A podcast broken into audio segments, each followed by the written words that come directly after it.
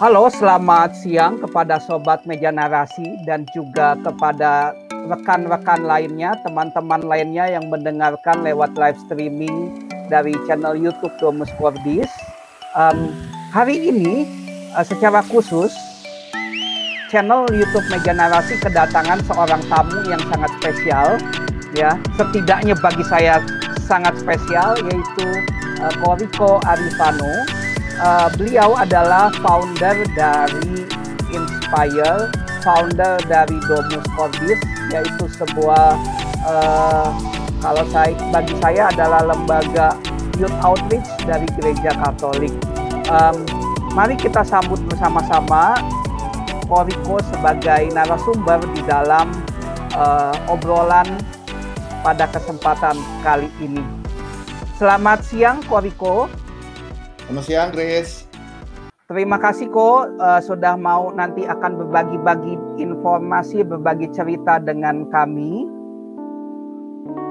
Um, Koriko boleh nggak memperkenalkan diri dulu secara singkat kepada sobat meja narasi dan juga uh, kepada rekan-rekan lainnya yang mungkin belum mengenal. Karena kata pepatah tak kenal maka tak sayang. Oke, Chris. Ya, tadi uh, udah dijelasin nama saya Riko. Terus uh, saya terlibat di karya pelayanan orang muda uh, ya 20 25 tahun uh, lebih ya dari sejak saya lulus uh, atau kelas 3 SMA sih dulu.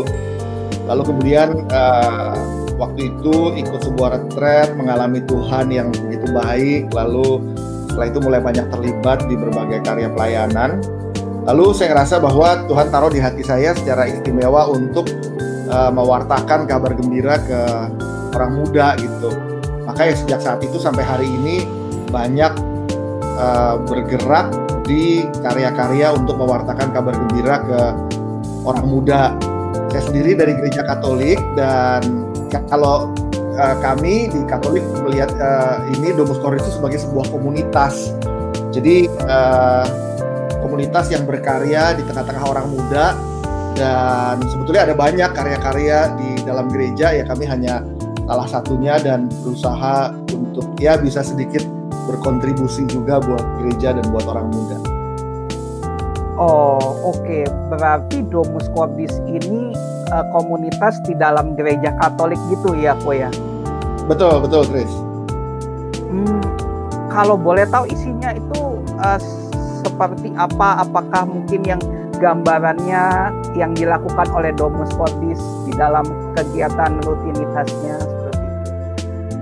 Ya, waktu pertama kali kami mulai uh, 12 tahunan, uh, 12-13 tahun yang lalu, kami merasa waktu itu ada tantangan yang sebetulnya sampai hari ini juga masih ada tantangannya yaitu generasi orang muda itu kan dan generasi yang senior itu kan selalu ada gap ya, ada kesenjangan ya, kesenjangan dari cara berpikir, cara berkomunikasi, cara menanggapi situasi. Sehingga kami ngerasa bahwa mewartakan kabar gembira itu menjadi nggak mudah gitu untuk uh, menjangkau orang muda. Maka kami kemudian melihat ada gap itu, lalu akhirnya kami memulai sebuah komunitas ini yang karyanya itu. Jadi tujuannya awal memang untuk membantu karya gereja di dalam uh, mewartakan kabar gembira ke orang muda sehingga bisa diterima oleh orang muda karena menggunakan bahasa budaya, cara orang muda juga. Gitu. Maka sehari-hari itu yang jadi dinamika uh, aktivitas kami sebagai komunitas.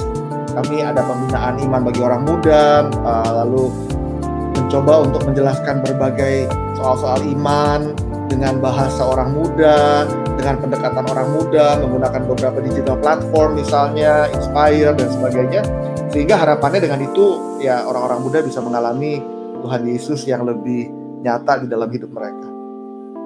Oke, wah mantep nih. Oh iya, dan ada sedikit pesan uh, bagi uh, rekan-rekan, bagi sobat meja narasi yang mempunyai pertanyaan, baik ketika menyaksikan live streaming di channel Meja Narasi ataupun pertanyaan di live streaming uh, YouTube channel Domus Cordis boleh uh, menyampaikannya karena nanti kalau kita masih ada waktu um, akan ada pertanyaan tanya jawab dengan uh, Koriko. Baik, uh, lanjut lagi ke dalam topik yang tadi kok. Itu memang ya. sangat menarik Koriko. Uh, saya uh, ketika melihat pertama kali mengenai Inspire itu lewat channel YouTube sebenarnya um, saya melihat loh kok ini seperti ibadah uh, gereja Kristen yang modern gitu gereja Pentakosta karismatik gitu saya ngeliat model ibadahnya ada drum ada uh, piano eh ada ada keyboard gitu beda dengan uh, karena kan saya pernah dari TK sampai SMP sekolah di sekolah Katolik. Jadi yeah. beberapa kali juga uh, mengikuti misa Katolik. Wah, kok berbeda banget gitu ya nah uh, ini apakah memang dari berarti dari gereja Katolik mengizinkan gitu ya kok ya tidak Koriko tidak ada uh, pertentangan ataupun uh, semacam apa ya ketidaksetujuan Oh enggak, gereja justru sangat mendorong uh, berbagai kelompok komunitas di dalam gereja untuk menggunakan berbagai cara yang sesuai dengan konteks uh, komunitas atau lingkungan yang mau dijangkau atau mau disapa. Kan kalau misalnya kayak kita misalnya mau berkunjung ke sebuah daerah kan kita menggunakan bahasa daerah itu supaya komunikasinya menjadi lebih baik gitu ya.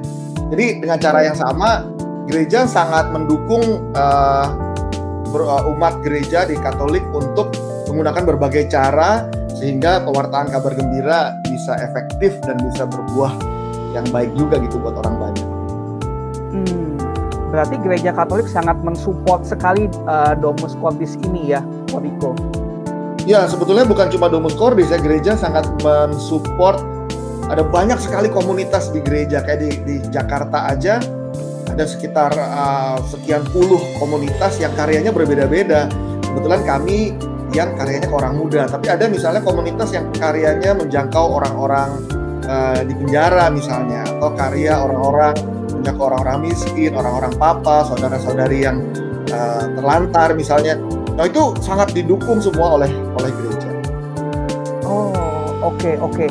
Uh, Koriko, saya tertarik banget nih waktu baca website Domus Cordis.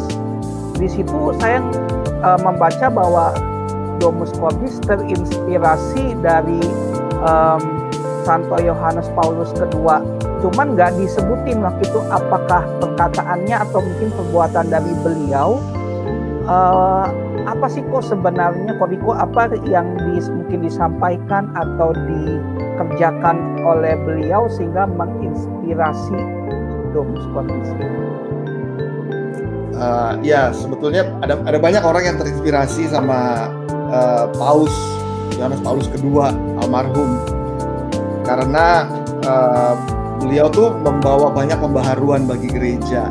Tapi secara istimewa bagi kami di Domus Cordis uh, dan mungkin sebetulnya banyak orang-orang di generasi yang mengalami uh, waktu gereja di, dilayani oleh Paus Yohanes Paus II ya. Beliau itu punya hati luar biasa buat orang muda. Jadi hmm. kalau hari ini mungkin banyak orang yang familiar dengan World Youth Day apa uh, Hari Orang Muda Sedunia yang rutin diadakan oleh gereja 2-3 tahun sekali, itu dimulai oleh Paus Yohanes Paulus II. Jadi waktu itu hmm. dia mau menjangkau orang muda, mau menyapa orang muda, lalu waktu itu banyak yang menentang gitu, karena waktu itu orang-orang pikir gila ini kan waktu itu dia udah lumayan senior ya, udah lumayan yeah. tua gitu. Ya. Orang bilang gila ini opa-opa udah tua mau jangkau nyapa orang muda, kita aja ceritanya waktu itu senior-senior yang lain juga gitu merasa kita aja susah yang lebih muda dari dia. Ini orang tapi dia kekeh gitu dia mau maju terus. Akhirnya dia kumpulin. Jadi waktu itu pertama kali itu 300 ribu orang muda berkumpul di Roma waktu itu dari seluruh penjuru dunia. Dan dia dengan jelas bicara untuk mengajak orang muda untuk hidup di dalam Yesus. Bahkan kemudian dia berseru dari setiap uh, Hari Orang Muda Sedunia World Youth Day dia selalu menantang orang muda untuk hidup kudus, untuk hidup suci, hmm. untuk jadi seperti Yesus.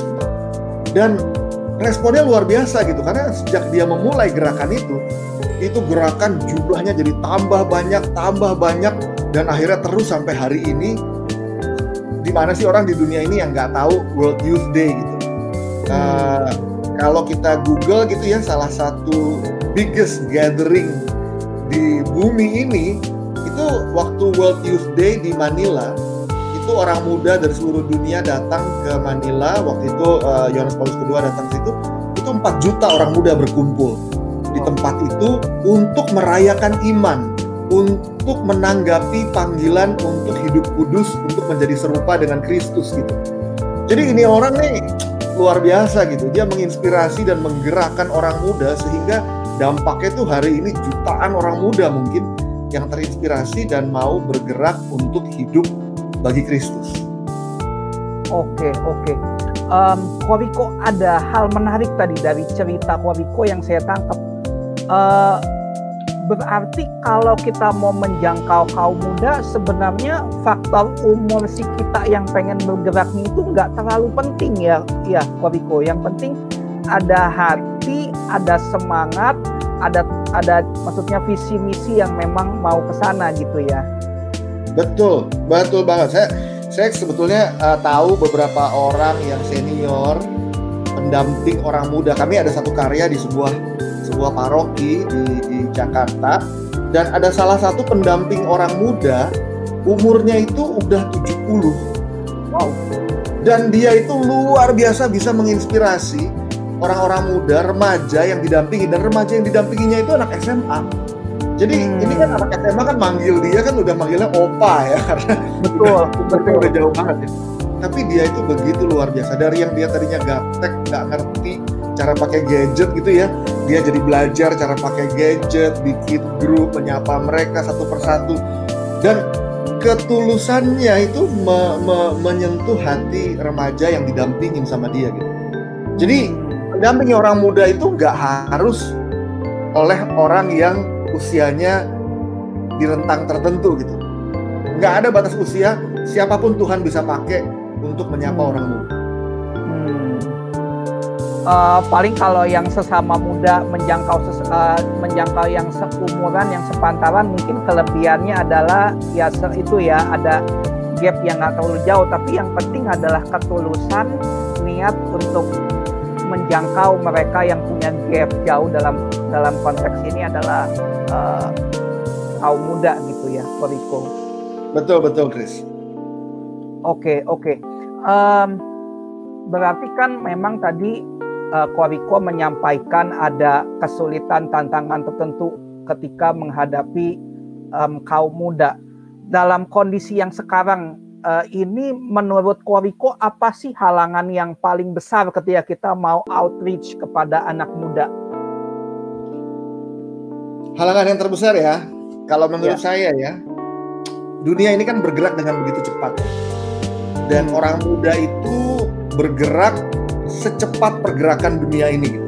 Bahkan bisa dibilang dunia ini berubah dan bergerak dengan cepat justru karena orang mudanya yang berubah dan bergerak dengan cepat juga gitu. Tantangan yang terbesar menurut saya adalah kita-kita atau dalam hal ini saya atau beberapa teman yang usianya udah masuk ke lebih tua daripada muda. Kadang-kadang kita yang ketinggalan gitu. Kita yang harus keep up gitu. Kita yang harus catch up terus-menerus gitu. Maka tantangan terbesar sebetulnya bukan ada di mereka, tantangan terbesar ada di diri kita sendiri gitu. Kita apakah kita uh, bisa terus-menerus engage orang muda, menyapa orang muda karena mereka bergerak sejalan dengan pergerakan dunia yang bergerak dengan cepat gitu. Tapi harus diakui bahwa sering kali gereja itu lambat untuk mengadakan pembaharuan di cara-caranya bergerak. Saya nggak bilang bahwa imannya berubah, kebenarannya tidak berubah, imannya tidak berubah. Yesus yang sama dulu sekarang sampai selama-lamanya. Tapi kan cara kita bergerak untuk mewartakan kabar gembira harus adaptable gitu, harus cepat berubah karena dunia ini cepat berubah. Nah, dunia sekuler, industri itu cepat berubah. Betul. Gereja harus diakui sering kali lambat berubah. Maka itu tantangan terbesar bagi kita sebetulnya agar kita itu nggak terjebak di dalam zona nyaman kita. Kita juga harus berubah. Kita juga harus cepat dalam bergerak untuk menggunakan bahasa dan cara yang bisa efektif untuk mewartakan kabar gembira. Sekali lagi, bukan kebenarannya yang dirubah, bukan imannya yang berubah, tapi caranya yang perlu disesuaikan dengan uh, komunitas atau lingkungan yang ingin kita sapa. Oke, oke. Uh, saya jadi teringat ini Koriko. Uh, kan kadang kita ada suka pakai istilah uh, don't judge book by its cover gitu ya. Tetapi kadangkala uh, judge the book by the cover kalau kita mau sampaikan sesuatu yang isinya baik kan nggak mungkin kita kasih bungkusannya yang uh, jelek tapi kasih bungkusannya yang benar-benar eye catching gitu yang uh, betul, apa betul. namanya kok kayak gitu gitu ya. Kok gue penasaran gitu pengen tahu pengen lihat gitu. seperti itu berarti ya Koriko betul. Betul betul betul banget. Jadi kita mesti bisa menyampaikan kabar gembira itu dengan cara yang atraktif gitu yang menarik gitu, hmm. gitu yang engaging yang catchy gitu. Dan sebetulnya cara yang paling engaging adalah kesaksian hidup kita sendiri gitu. Saya sih harus mengakui gitu. Saya, saya sebagai bagian dari gereja gitu ya kadang-kala banyak orang males datang ke gereja untuk mengenal Yesus karena keburu ilfil ngelihat orang-orang yang ada di gereja. Dan orang-orang yang ada di gereja itu termasuk saya gitu. Jadi setiap saat saya perlu introspeksi gitu. Apakah hidup saya itu udah cukup atraktif gitu? Buat orang kalau ngelihat saya ini kalau misalnya kita makan gitu ya terus waktu kita lagi makan makanan yang enak banget gitu ya itu kan muka kita kelihatan gitu ya. Misalnya waduh kayaknya menikmati banget gitu. Terus orang yang lihat itu bilang begini eh lo makan apa sih? Gue pingin dong makan yang lo makan juga gitu. Nah hmm. hidup kita itu memancarkan kasih dan sukacita yang kuat nggak sih? Sampai orang-orang kalau ngelihat kita bisa bilang eh lo makan apa sih? Gue mau dong yang lo makan gitu. Dan kita bilang hmm. kita makan firman kita bertemu dengan Yesus gitu jadi sebetulnya cara yang harusnya paling atraktif, paling engaging adalah kesaksian hidup kita gitu. Tapi sering kali justru di situ tantangan terbesar kita karena kita sendiri adalah orang-orang berdosa yang yang berjuang buat hidup benar ya. Jadi uh, ya ini tantangan buat kita dan refleksi buat kita sendiri sih. Oh, oke okay, oke. Okay. Um, jadi memang kesulitan untuk menjangkau kaum muda adalah ada banyak gap yang berbeda tetapi di sisi lain juga gereja seperti lambat untuk mengejar gitu ya. Uh, Koriko melihat ada uh, handicap dari gereja untuk bisa catch up gitu ya. Betul.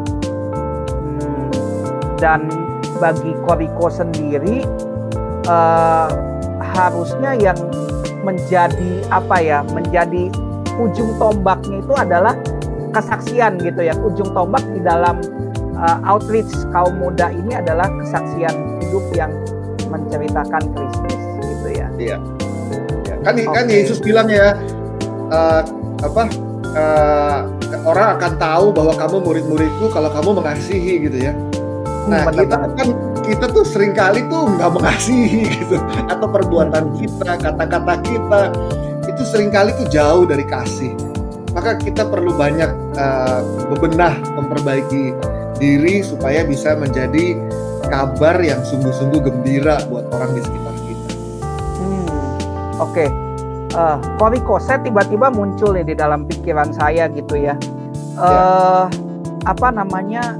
Ini kan berarti ujung tombak atau sarananya adalah kesaksian hidup. Tapi bagaimana menyeimbangkan kesaksian hidup ini dengan langkah-langkah taktis gitu misalnya kan kita tetap harus uh, riset misalnya media sosial apa yang lagi in bagaimana algoritmanya mereka gitu nah uh, itu kan ada langkah taktis berarti ya kalau langkah teknis gitu bagaimana yeah. um, Koriko dan juga mungkin rekan-rekan yang ada di Domus Polis menyeimbangkan hal ini supaya kan jangan sampai juga kita terlalu ribet dengan eh, hal-hal uh, teknis, hal-hal taktis gitu tapi lupa esensinya gitu.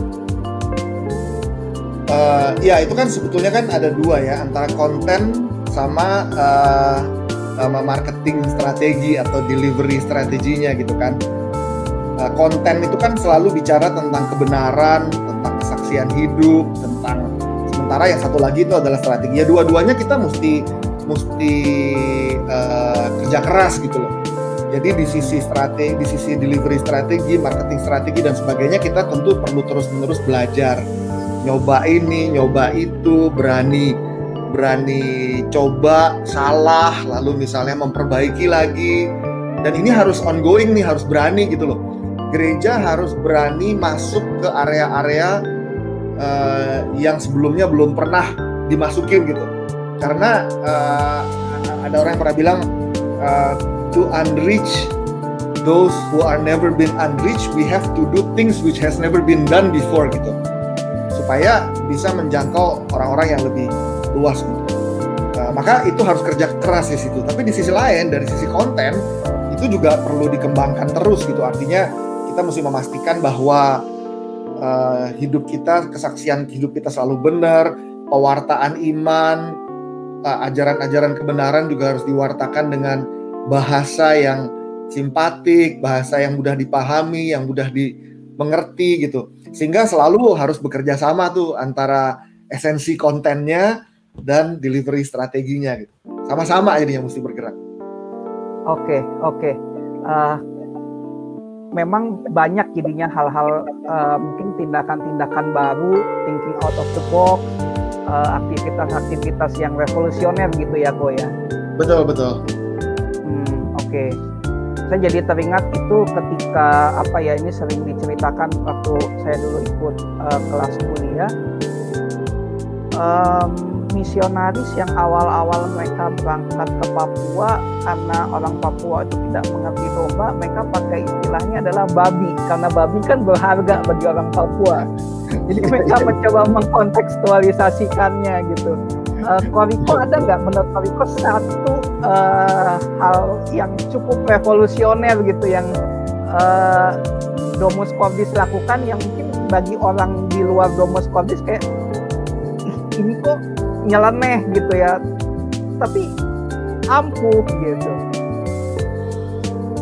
Uh, saya jadi ingat beberapa waktu yang lalu pernah ada seorang uh, imam seorang romo kami di Katolik yang datang dan sempat kita ngobrol-ngobrol gitu. Jadi wacananya mau mengadakan sebuah karya bersama gitu antar beberapa komunitas gitu Lalu dia bilang, oh, oke, okay, jadi nanti kalau kita kerjasama, komunitas A bisa ngomong tentang uh, spiritualitas, komunitas B bisa ngomong nanti tentang ajaran, komunitas C nanti bisa membantu di area perlengkapan dan fasilitas. Domus Cordis mungkin nanti bisa bicara banyak tentang dosa.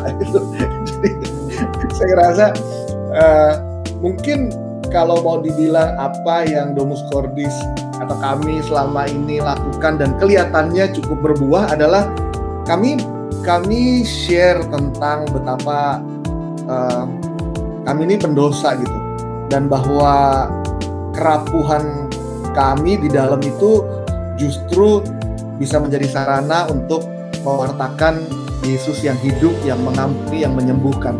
Contoh misalnya uh, kami share karena kami bergerak di antara lain ada satu ajaran Katolik namanya teologi tubuh. Teologi tubuh ini adalah ajaran dari Yohanes Paulus II. Jadi ini bicara tentang seksualitas manusia, lalu tentang relationship antara cowok dan cewek, lalu bagaimana tubuh kita ini sesungguhnya memperlihatkan Allah kan kita diciptakan sesuai dengan gambar dan rupa Allah gitu ya. Betul. Nah antara lain bicara soal seks, maka kami bicara tentang kami uh, saya pribadi misalnya pernah kesaksian, misalnya cerita bahwa saya dulu adiksi pornografi, lalu uh, selama sekian lama saya udah pelayanan saya bicara di depan mewartakan firman Tuhan tapi pulang ke rumah. Kemudian saya nonton film bokep lagi lalu uh, masturbasi lagi dan itu bikin saya ngerasa diri saya kotor banget uh, munafik banget gitu ya. Uh, tapi kemudian waktu saya setia ikut Tuhan Tuhan itu baik lalu uh, melalui sakramen tobat uh, Tuhan menyembuhkan saya dan membebaskan saya gitu. Nah cerita-cerita seperti ini itu uh, cukup berbuah gitu. Karena kemudian orang-orang yang mendengarkan itu jadi berani untuk datang dan juga menceritakan pergumulan dengan dosa-dosa mereka gitu.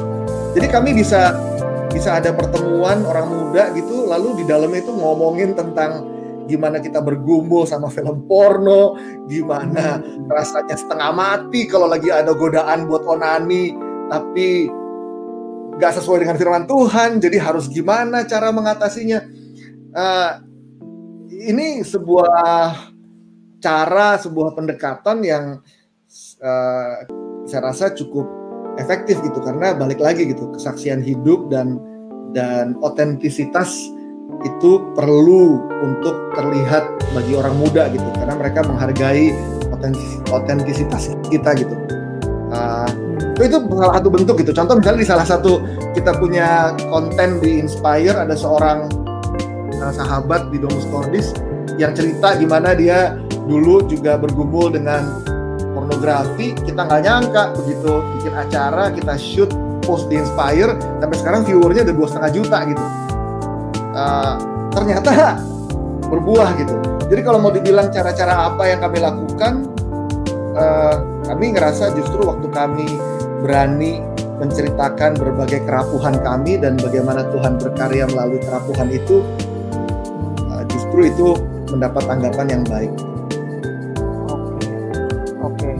Pernah nggak Koriko di dalam divisi atau iya Thomas Publish gitu saya singkat divisi uh, apa namanya ketemu dengan anak muda yang terjerat dengan um, seks orientasi seks sesama jenis boleh kalau ada mungkin boleh berbagi cerita gitu iya.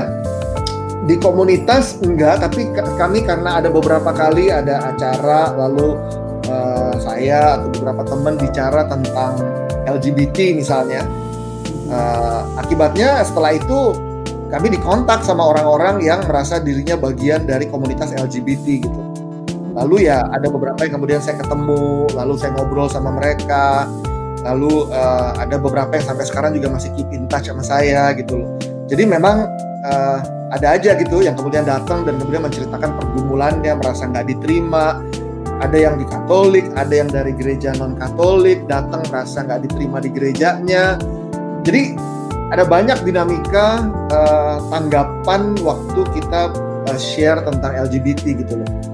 Uh, satu hal yang selalu saya garis bawahi adalah bahwa kita tuh gereja sering kali dipandang sebagai institusi atau lembaga yang sangat cepat dalam memberikan uh, penilaian ini benar dan ini salah. Padahal uh, saya selalu katakan gereja harus lebih dikenal sebagai sebuah komunitas orang-orang yang cepat dalam mengasihi, cepat dalam merangkul, cepat dalam menawarkan persahabatan dan persaudaraan. Karena kalau kita bilang bahwa saudara-saudara, sahabat-sahabat di LGBT itu kita bilang bahwa mereka berdosa, ya sebetulnya nggak ada bedanya sama kita. Kita juga berdosa, cuman dosanya beda aja. Ya kan? Maksudnya kenyataan bahwa dosa saya beda daripada dosa orang lain tidak memberikan uh, apa apa uh, izin bagi saya untuk dengan mudahnya menghakimi semua orang gitu karena kita semua orang adalah orang berdosa. Maka uh, saya rasa kita perlu lebih banyak menyapa dan merangkul orang-orang berdosa karena sadar bahwa ya gue juga pendosa gitu. Kita semua juga orang berdosa. Ya jadi menarik ya. Saya juga jadi merenungkan lagi dengar tadi apa yang Koriko sampaikan bahwa uh, gereja setidaknya saya pribadi perlu rebranding ulang gitu sebagai pengikut Tuhan apakah saya ini sebagai pengikut Tuhan adalah orang yang cepat untuk menghakimi atau orang yang cepat untuk mengasihi gitu jadinya. Wah ini uh, apa namanya salah satu hal yang saya jadi alert renungan bagi saya sendiri gitu. Ya memang sayangnya gereja lebih punya image di mata orang-orang seperti LGBT itu sebagai institusi yang terlalu suci, terlalu kudus seperti menara gading yang ketinggian gitu di atas saya nggak mungkin bisa menggapainya gitu dan kalau saya masuk saya dikatakan sebagai uh, pendosa besar gitu. Betul betul. Uh, uh, mungkin agak jauh sedikit gitu ya uh, pembahasan ini, tapi saya ingin tanya kalau bagi Koriko secara pribadi, uh, saya pernah membaca satu studi kasus di Amerika uh, mengenai LGBT. Dia ya. bilang uh, bahwa pada kasusnya di lapangan yang terjadi untuk berubah dari misalnya saya penyuka pria menjadi saya penyuka lawan jenis menjadi ya. normal gitu itu tidak semudah membalikan telapak tangan sehingga pada akhirnya LGBT itu ada yang saya nggak merubah orientasi, orientasi seksual saya tetapi saya berkomitmen untuk selibat pada akhirnya gitu karena ya. saya merubah orientasi itu nggak bisa gitu ya. susah gitu susah sekali gitu nah eh, tanggapan uh, Koriko mengenai hal ini bagaimana? Iya, uh, prinsipnya saya uh, setuju bahwa memang nggak mudah untuk berubah. Jadi karena nggak mudah untuk berubah, maka ya jangan jatuh ke dalam dosa gitu. Maksudnya sekarang begini, saya misalnya orang yang ini deh, kita jangan ngomongin LGBT, Oke, saya kasih contohnya yang berbeda, nanti aplikasinya bisa di LGBT juga. Berapa banyak orang yang susah untuk uh, berubah, misalnya dari makan daging lemak yang banyak untuk makan sayuran aja gitu misalnya. Nggak gampang gitu kalau orang kan suka banget ya makan daging, makan babi, makan ini, makan itu gitu. Lalu suruh ganti jadi veggie gitu misalnya jadi vegetarian gitu karena katanya lebih sehat misalnya gitu. Saya nggak saya nggak bilang bahwa definitely harus begitu. Tapi contoh ini ya contoh. Bisa gitu. Ya tapi kalau misalnya nggak bisa seenggaknya dia bisa berhenti gitu. Jangan makan daging terlalu banyak gitu. Atau kalau memang itu uh, berbahaya buat kesehatannya dia ya berhenti. Jangan lakukan itu gitu. Nah ini workable nggak? Workable bisa gitu loh. Maka benar gitu bahwa kalau misalnya ada orang yang punya ketertarikan dengan sesama jenis lalu uh, perkawinan itu hanya antara laki-laki dan perempuan sehingga tidak ada yang namanya perkawinan sesama jenis menurut uh, iman at least dari sudut pandang Katolik tapi itu kan bukan berarti bahwa orang itu menjadi pendosa yang harus dijauhi karena mereka sangat parah gitu misalnya. Ada orang-orang lain di gereja juga yang punya dosa lain yang parah juga tapi nggak ketahuan dan nggak kelihatan. Betul. Ya, jadi ya buat dia ya kita cuma bilang ya just don't do it gitu loh. Ya nggak perlu menikah gitu, nggak perlu melakukan hubungan seks dengan sesama jenis. Uh, kalau orang bilang, aduh gimana dong, gue menderita banget dong kalau gue nggak bisa melakukan hubungan seks eh kita hidup di dunia ini di mana seakan-akan seks itu diagung-agungkan dan didewa-dewakan gitu seakan-akan itu kebutuhan hmm. primer gitu betul. Enggak kok nggak melakukan hubungan seks nggak mati kok. Kalau nggak makan tuh mati. Kan nggak minum tuh mati. Tapi nggak melakukan hubungan seks nggak mati kok gitu. Ada banyak cara untuk mengungkapkan kasih untuk mengungkapkan cinta terhadap sesama. Bahwa seks adalah ungkapan cinta antara lain bagi suami istri oke. Okay tapi apakah seks itu satu-satunya? Enggak juga kok. Jadi kalau misalnya orang menjadi dalam tanda kutip selibat, itu bukan sesuatu yang juga akan mematikan atau bikin orang jadi bener-bener waduh parah banget deh gue karena gue kagak bisa melakukan hubungan seks gitu. Enggak kok gitu. Jadi itu memang bisa menjadi solusi sambil terus-menerus mempersembahkan situasinya ke Tuhan karena setiap saat Tuhan bisa memulihkan kalau Tuhan mau. Betul, amin, amin. Uh, berarti memang ketika kita mencoba menjangkau um, anak muda, generasi-generasi muda ketika di lapangan bertemu dengan mereka, um, seperti banyak kayak ada kalau kompromi mungkin terlalu jauh kali ya kata-katanya konotasinya agak negatif tapi kayak uh, uh, pemakluman untuk situasi kondisi tertentu gitu ya, uh, Koriko. Iya, iya, iya, betul. Artinya pokoknya kalau itu dosa ya jangan titik gitu kan. Nggak uh, perlu dia menjadi sembuh lalu menjadi straight misalnya atau menjadi ya pokoknya jangan berdosa gitu. Itu kan hmm. jelas gitu kan. Tapi kan sekarang isunya adalah sering kali waktu kita bilang jangan berdosa, kita lakukan sambil pegang batu dan mau nimpukin dia gitu. Beda sama Yesus, ya kan?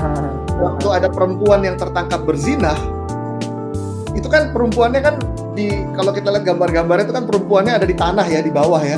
Lalu iya. orang-orang ya. Farisi itu berdiri di kejauhan dan bilang Tuhan uh, hukum Musa bilang kami harus bunuh dia gitu. Lalu yang Yesus lakukan dia kalau kita ingat ceritanya tuh dia turun ke bawah lalu dia seperti nulis di tanah gitu ya. Nah waktu dia turun ke bawah dan nulis di tanah itu kan dia menempatkan dirinya di level si perempuan itu gitu di bawah gitu dan dia menunjukkan empatinya ke perempuan itu ke wanita yang ketangkep basah lagi melakukan uh, perzinahan lalu dia bilang orang yang pertama yang nggak salah boleh ngelempar batu pertama kali. Lalu akhirnya mereka semua pergi. Tapi setelah mereka semua pergi Yesus ngomong ke perempuan itu aku juga nggak akan menghukum kamu pergilah dan jangan berbuat dosa lagi. Jadi artinya Yesus tetap bilang bahwa benar kamu memang berdosa. Yesus nggak merubah definisi dosanya dari dosa jadi benar. Enggak, yang dosa itu tetap dosa. Tapi cara Yesus memperlihatkan kasihnya ke perempuan itu, ke wanita itu, itu lebih kuat daripada penghakiman dosanya gitu. Sehingga perempuan itu merasa dikoreksi dan tetap diterima, tetap dirangkul dan tetap dikasih tahu bahwa itu dosa, jangan lakukan itu lagi. Nah, saya rasa kita ketika perlu belajar banyak dari Yesus supaya cara kita itu tidak kompromi dosa tetapi tetap mengasihi. Oke, sangat menarik. Oh ya, sekali lagi reminder bagi um, sobat meja narasi ataupun kepada siapa pun yang menyaksikan baik di channel meja narasi maupun di channel Domus Cordis, kalau ada pertanyaan live uh, boleh langsung disampaikan nanti kita akan coba jawab gitu ya. Oke, balik lagi kepada diskusi yang tadi yang Tuhan Yesus dengan perempuan uh, pendosa tadi. Ya, memang uh, Tuhan Yesus jadi menunjukkan pelajaran bagi kita sebagai orang Kristen adalah kamu harus belajar duduk setara gitu ya, Ko ya, Koriko. Duduk betul, setara betul. bukan kamu dari atas yang kemudian memandang mengacungkan tangan ke bawah tapi duduk setara melihat uh, dari sisinya. Dia mungkin ada perspektif baru malah yang bisa kita dapatkan gitu ya Koliko ketika kita coba duduk setara dengan uh, kaum muda. Betul betul. Saya, saya ngobrol sama teman-teman yang tadi kita ngomong soal LGBT ya. Saya, saya, karena ada beberapa orang yang kemudian jadi datang ke saya gitu saya melihat mereka ini orang-orang yang luar biasa gitu. Maksudnya mereka punya hati yang sincere mau mencari Tuhan. Bahkan beberapa dari mereka yang udah aktif terlibat di pelayanan gitu. Tapi mereka merasa bergumul gitu karena mereka merasa nggak diterima dan mereka nggak tahu ke mana mereka bisa cerita gitu. Buat saya ini sesuatu yang sedih gitu. Karena harusnya gereja itu kan menjadi tempat di mana orang bisa paling percaya gitu. Paling bisa terbuka untuk menceritakan pergumulan dan dosa-dosanya gitu. Tapi sering kali gereja justru jadi tempat yang paling menakutkan bagi orang untuk menceritakan pergumulannya dia melawan dosa. Nah, saya kira ini sesuatu yang yang menyedihkan dan menjadi bahan refleksi buat kita semua termasuk saya sendiri gitu. Bagaimana sikap kita terhadap orang di sekitar kita gitu. Apakah orang kemudian jadi takut untuk terbuka karena muka kita ini adalah muka yang penuh penghakiman atau mereka justru mendekat dan menceritakan pergumulannya dengan dosa karena wajah kita ini, wajah gereja ini adalah wajah yang bersahabat, wajah yang mengasihi dan wajah yang mau merangkul. Hmm, iya, iya betul. Karena buat apa mereka juga datang beribadah kalau pada akhirnya mereka tidak mau membuka diri gitu ya, Wariko. Betul betul. Karena mereka takut untuk menyampaikan. Ya. Betul betul. Uh, Akhirnya kan itu jadi ritual doang akhirnya gitu ya ke gereja ya. Betul ada dampak transformasi hidup gitu. Padahal yang targetnya kan ada transformasi hidup gitu ya Koriko iya iya. Ya jadi memang uh, insight yang menarik yang saya dapatkan ini adalah ketika kita mau coba menjangkau kepada kaum muda adalah uh, lewat kesaksian, lewat sharing karena dia pun bisa melihat oh iya ya ternyata uh, pembina saya ini orang yang sama gitu seperti saya. Dia juga punya apa namanya punya pergumulan punya kelemahan yang sendiri gitu. Dan oh ya jadi merasa secure juga untuk ceritain apa namanya setiap pergumulan pergumulan saya. Betul betul uh, terus ini Wariko um, saya baca salah satu testimoni di website uh, Domus Cordis dari anggotanya dia tulis gue gabung DC karena komitmennya challenging. Dari waktu ke waktu kita selalu di stretch untuk lebih mengasihi lebih kerja keras lebih berbuat bagi gereja dan sesama. Katanya if it doesn't challenge you it won't change you. Gue mau dong berubah lebih baik seperti Yesus. So bring it on gitu. Ini maksudnya apa kok? Maksudnya apakah memang ada challenge challenge tertentu gitu di dalam uh, DC ya uh, kita ngebayanginnya begini. Yesus itu kan bilang ya uh, aku mutus kamu uh, seperti domba ke tengah-tengah serigala gitu. Jadi uh, perutusan itu nggak mudah, perutusan itu nggak gampang, mewartakan kabar gembira itu nggak gampang. Itu sebabnya kita perlu dilatih, kita perlu disiapkan untuk bisa mewartakan kabar gembira. Membayangkan misalnya kalau uh, pelatnas gitu ya, kalau orang mau pergi ke pertandingan, itu kan dia harus ikut pelatnas dulu gitu. Nah di pelatnas itu kan latihannya susah ya, maksudnya mesti bangun pagi, olahraga yang benar, makanan juga dijaga dengan baik, supaya fisiknya itu benar-benar siap untuk pertandingan. Dan itu adalah program pelatihan yang gak mudah gitu, yang berat gitu. Atau begitu juga kalau kita suka nonton-nonton film gitu ya di di di Amrik gitu kan suka nonton film misalnya Navy Seals gitu misalnya mau diutus gitu pergi perang gitu misalnya. Itu kan trainingnya gila-gilaan gitu kalau kita lihat di YouTube gitu ya nonton gitu. Atau bahkan enggak lah kalau kita YouTube nonton kita punya pelatihan buat kita punya tentara di Indonesia uh, TNI juga tough gitu loh intens banget gitu. Tujuannya apa? Supaya waktu mereka diutus ke medan perang di situ tuh mereka tangguh resilient uh, jago gitu fighter gitu. Nah dengan cara yang sama waktu kita mau mengutus orang untuk mewartakan kabar gembira orang juga perlu dipersiapkan dipersiapkan supaya hidupnya itu benar-benar melekat dengan Yesus. Karena kita nggak bisa kasih apa yang kita nggak punya. Mewartakan kabar gembira ke orang muda itu bicara tentang berbagi Yesus kepada mereka. Kalau kita nggak sungguh-sungguh kuat di dalam Yesus, kita nggak punya apa-apa untuk kita bagikan ke mereka. Contohnya misalnya begini, orang sering kali berpikir bahwa kalau ada karya kegiatan orang muda, misalnya kita bilang, oh berhasil, kalau yang datang jumlahnya banyak Uh, saya bilang kalau bikin acara orang muda, karya pelayanan orang muda yang datang banyak, itu pelayanannya belum berhasil. Itu IO-nya berhasil, promosinya berhasil. Ya kan? IO-nya berhasil. Tapi apakah pelayanannya berhasil? Belum tentu. Pelayanannya berhasil kalau yang datang ini pulang dan hidupnya berubah. Mungkin sedikit nggak apa-apa, tapi sedikit menjadi lebih serupa dengan Yesus. Itu baru berhasil. Orang lebih dekat dengan Tuhan berjumpa dengan Yesus. Tapi kalau cuma yang datang banyak, itu belum berhasil namanya. Nah, supaya orang yang datang bisa mengalami Yesus, lalu pulang menjadi lebih dekat dengan Yesus, artinya kita yang melayani ini kan harus bisa membagikan Yesus ke mereka. Artinya kita sendiri harus penuh dengan Yesus. Maka di dalam di dalam siapan orang itu harus dilatih dengan baik gitu. Nah kami di komunitas itu ada komitmen-komitmen, misalnya komitmen doa setiap hari, komitmen baca firman setiap hari, lalu ada komitmen-komitmen uh, persembahan kasih setiap bulan, lalu ada komitmen uh, harus datang di konsel, komitmen. Dan komitmen-komitmen ini semuanya di keep track gitu, attendance-nya tuh kita keep track. Jadi kita punya internal digital platform untuk keep track attendance, keep track jam doa, keep track baca kitab suci atau enggak. Semuanya kita keep track semuanya supaya kita bisa monitor sehingga dari situ kita bisa ngeliat gitu di area mana kita bisa bantu anggota-anggota komunitas untuk bertumbuh lebih baik.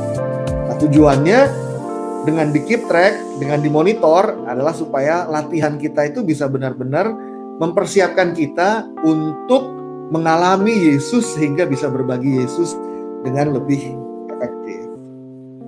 Oke. Berarti yang saya tangkap di sini dari DC itu bukan seolah-olah kayak uh, ya udahlah lu mau ngapain aja gue tetap terima lu. Uh, kita cuman cerita-cerita nggak cuman begitu ya Koriko tapi ada kayak uh, pendisiplinan gitu. Oke gue terima lu sebagai uh, orang yang berdosa tapi lu juga harus ada perubahan gitu ya. Betul betul betul karena kalau kita nggak mengkondisikan orang untuk berada di dalam sebuah sistem di mana orang kita bantu, kita dukung buat berubah, orang jadi males. Contoh gini deh, waktu kita masih SD, kita harus dipaksa ke sekolah sama orang tua kita. Kalau kita nggak dipaksa sekolah sama orang tua kita, mungkin kita hari ini nggak sekolah, nggak lanjut gitu sekolah. Gitu. Jadi artinya harus ada paksaan dari orang tua. Dipaksa ada ujian, ada ulangan kalau nggak ada ulangan mungkin kita nggak belajar. Kalau nggak ada ujian mungkin kita nggak nggak ngapalin soal gitu misalnya apa jawabannya atau caranya matematika gimana caranya rumusnya segala macam gitu kan. Harus ada ulangan harus ada ujian harus ada praktek di lapangan. Itu semua itu disiplin-disiplin itu hari ini waktu kita udah lebih dewasa kita ngelihat semuanya itu berguna nggak? Berguna. Semuanya itu baik nggak? Baik. Tapi waktu dulu kita lagi ngejalaninnya kita komplain nggak? Komplain. Kita marah nggak? Marah gitu. Jadi hari ini di di komunitas di DC orang-orang yang ngejalanin ya komplain nggak? Komplain. Marah nggak? Marah. Saya juga kadang-kadang komplain. Saya juga kadang-kadang marah gitu kesel gitu. Aduh kenapa sih gue mesti begini gitu. Tapi dengan begitu kita mendisiplinkan diri kita sehingga kita bertumbuh. Waktu kita bertumbuh kita jadi lebih kuat lebih setia kita lebih melekat pada Kristus sehingga kita bisa berbagi Kristus juga dengan lebih baik. Justru malah gitu. ketika ada sistem, ada aturan main, orang jadi berpikir gitu ya, aduh, uh, gue udah telanjur nih sampai sini, sayang kalau gue mundur gitu ya. Iya, kalau kayak kalau kayak di film-film Navy Seals ya, atau pernah nonton nggak? Itu kan di tengah-tengah lapangan gitu ada ada bell ya, ada lonceng gitu. Jadi kalau dia mau give up, dia mesti jalan ke tengah dan dia apa bunyiin loncengnya semua orang tahu bahwa dia nyerah gitu ya. Tapi kan itu juga sebuah cara untuk create pressure gitu. Dan pressure itu baik. I mean kalau kita baca tulisan-tulisan uh, psikologi gitu ya pressure itu bikin kita grow kok. Betul. Betul. Disiplin itu bikin kita bertumbuh kok. Justru tanpa pressure we're not going anywhere. Betul betul banget sih malah bisa membuat uh, rasa memiliki terhadap komunitas itu makin kuat gitu ya Poliko betul.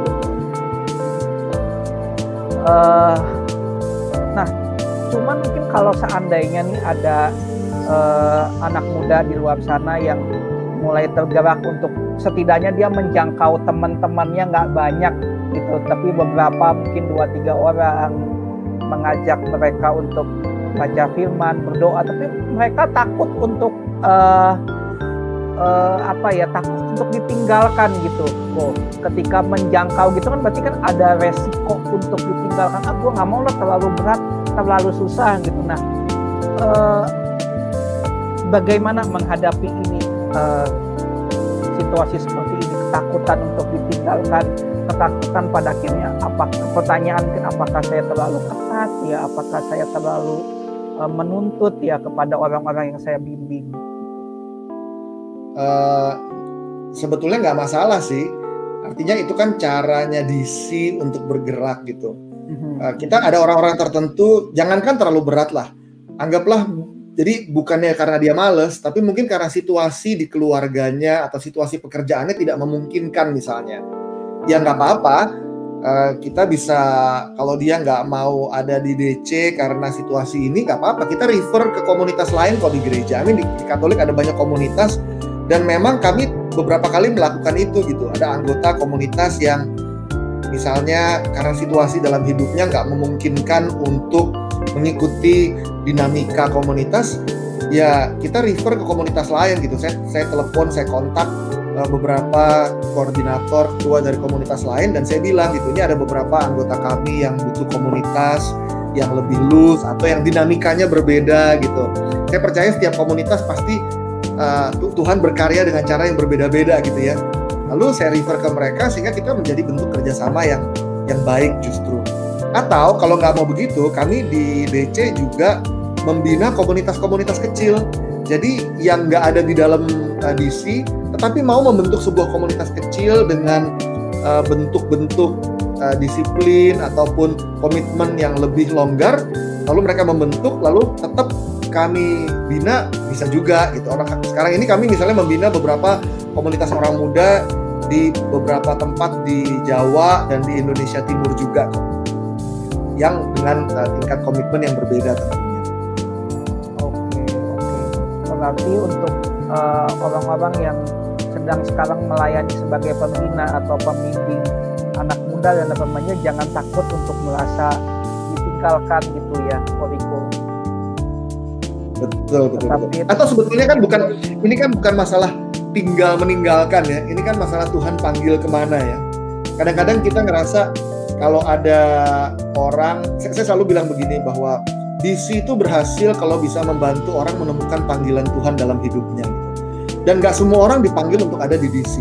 Kalau Tuhan panggil orang untuk nggak ada di DC, tapi kita mempertahankan orang untuk ada di DC, kan kita nggak membantu orang itu bertumbuh di dalam Tuhan.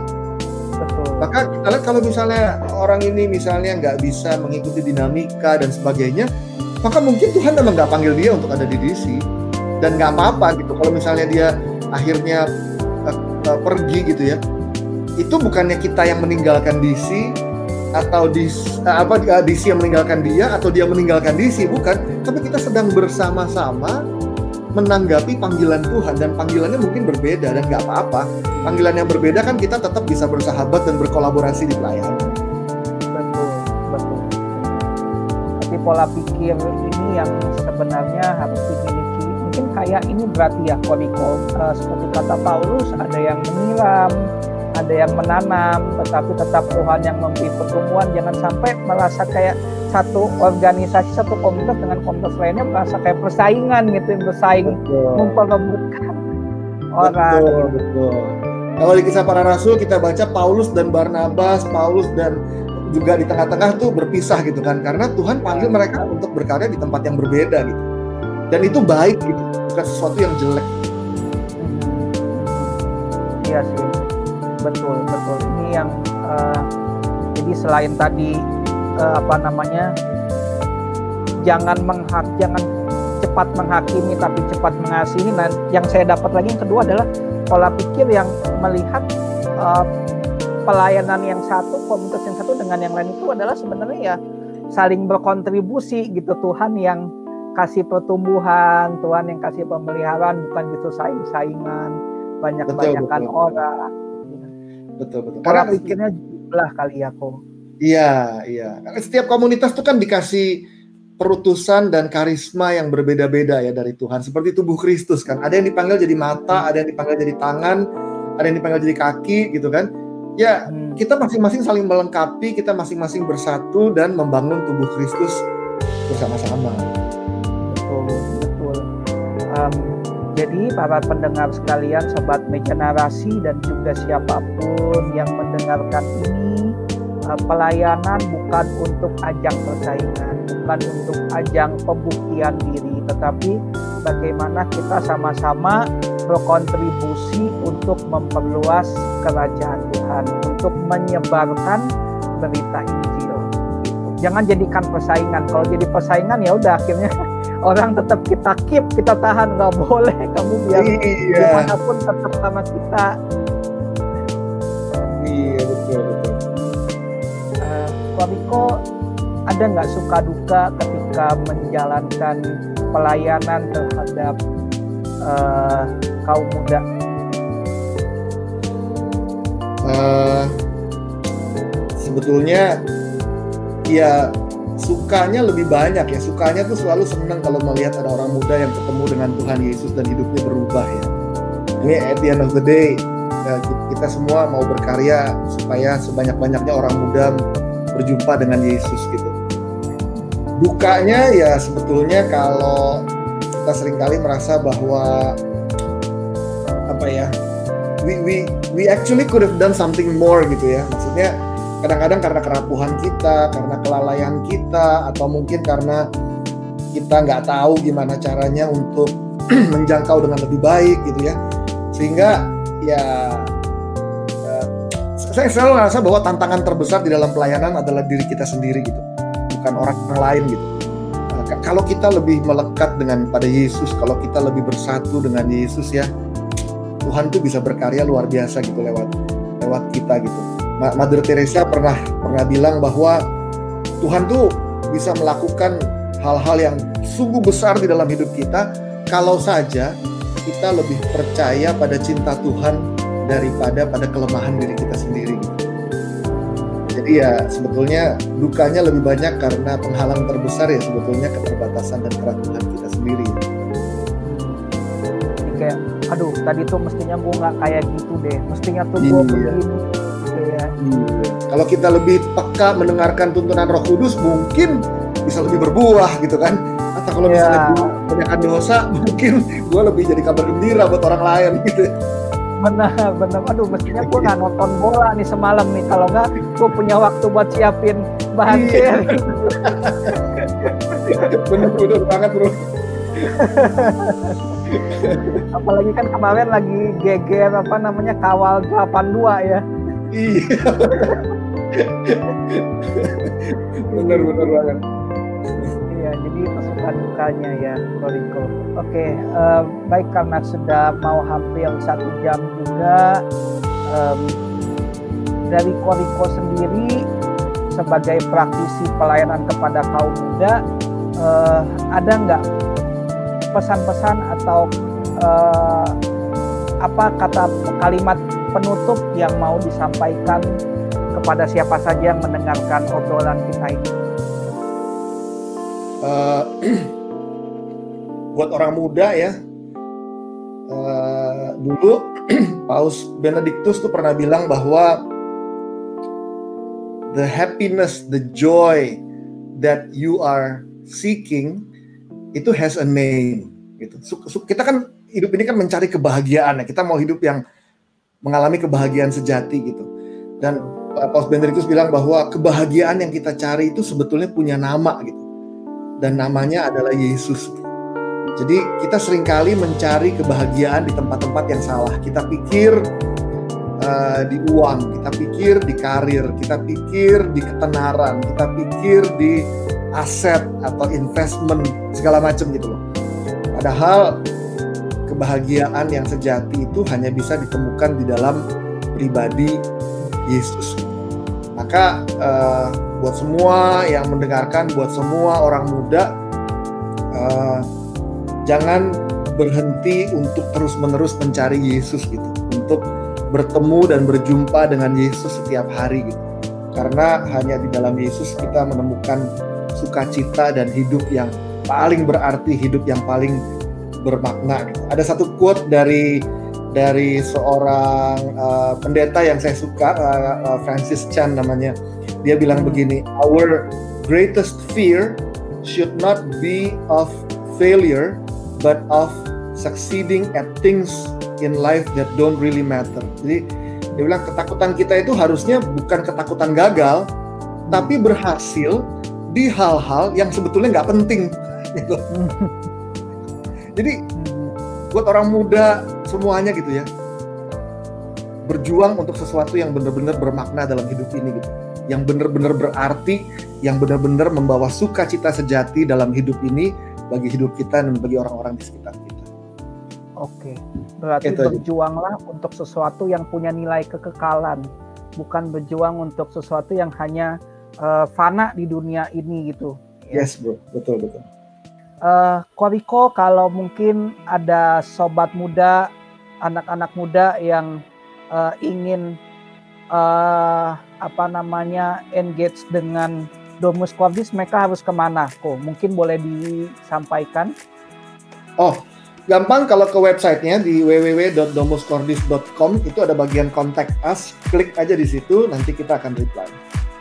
Oh, oke. Okay. Atau kalau yang mau berkunjung ke medsosnya? Uh... Oh, bisa. Domus, uh, uh, ada di IG, ada Domus Cordis, di apa uh, FB juga ada. Atau kalau mau cek ke Inspire juga bisa. Let's Let's Inspire.co ada di IG, ada di FB juga. Uh, bisa kontak us, nanti uh, kita akan reply. Oke, oke. Jadi bagi para pendengar sekalian yang um, mungkin setelah mendengarkan obrolan ini jadi tergerak ingin bergabung dengan komunitas dan merasa uh, kayaknya uh, Domus Cordis adalah komunitas yang tepat boleh uh, reach out jangkau dari tadi yang uh, Ko Riko sampaikan. Ada di website ada di IG ya boleh cari di sana kontak asnya seperti itu. Oke baik. Jadi demikianlah obrolan uh, meja narasi dengan Koriko Arifano dari Domus Cordis. Um, sangat mencerahkan, sangat memberikan banyak insight-insight yang baru. So don't be too fanatic and always rethinking our theology. God bless you all and have a nice time. Bye. Bye.